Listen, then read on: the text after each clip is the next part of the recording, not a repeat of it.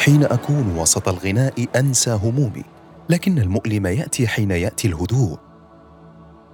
عندما أكون وحدي تبدأ الهواجس الموحشة.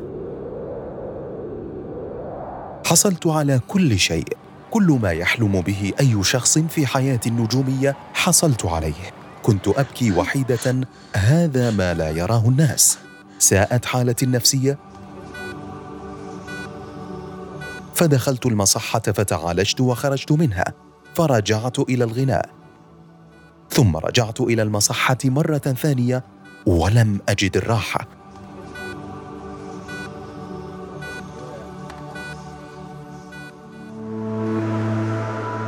اسمي ديامس وهو الاسم الذي اشتهرت به كمغنية راب فرنسية من أصول يونانية قبرصية. أما اسمي الحقيقي فهو ميلاني جورجياديس. وهذه قصتي أحكيها لكم في بودكاست أروان في بودكاست أروان. من أصول. الأصول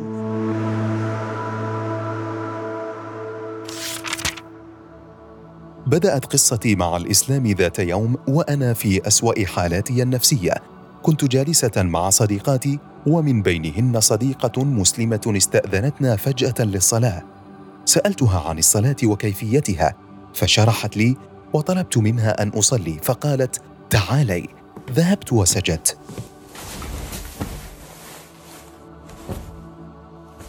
فشعرت بشعور غريب. أحسست بأنني أحتاج إلى مثل هذه السجدة. استمررت على هذه الصلاة يوميا من دون أذكار. سجود فحسب. وكنت أدعو الرب أن يهديني إلى الطريق إليه. أهدتني صديقتي مصحفا مترجما إلى الفرنسية لم أقرأه من قبل. إلى أن ذهبنا سويا إلى جزيرة منقطعة فأخذت أقرأه بداية من سورة البقرة حتى سورة تبارك.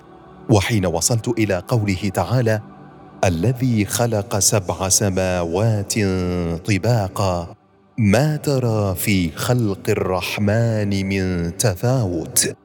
فارجع البصر هل ترى من فطور؟ رفعت بصري إلى السماء ووجدتها من دون فطور وتشقق. ثم رفعت بصري للمرة الثانية حتى أتأكد ورجعت بعدها أواصل قراءتي وقرأت الآية.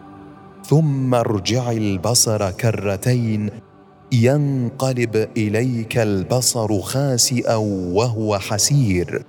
ثم أغلقت المصحف وصرخت فرحا وقلت هذا ديني.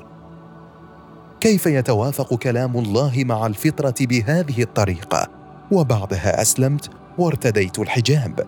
نعم لقد شفي قلبي تماما اليوم. أعرف ما الذي أفعله على هذه الأرض. لست مجرد ألكترون حر أو حبة رمل في عاصفة لا تعرف ما الذي تفعله هنا. أنا أعرف لماذا أنا هنا.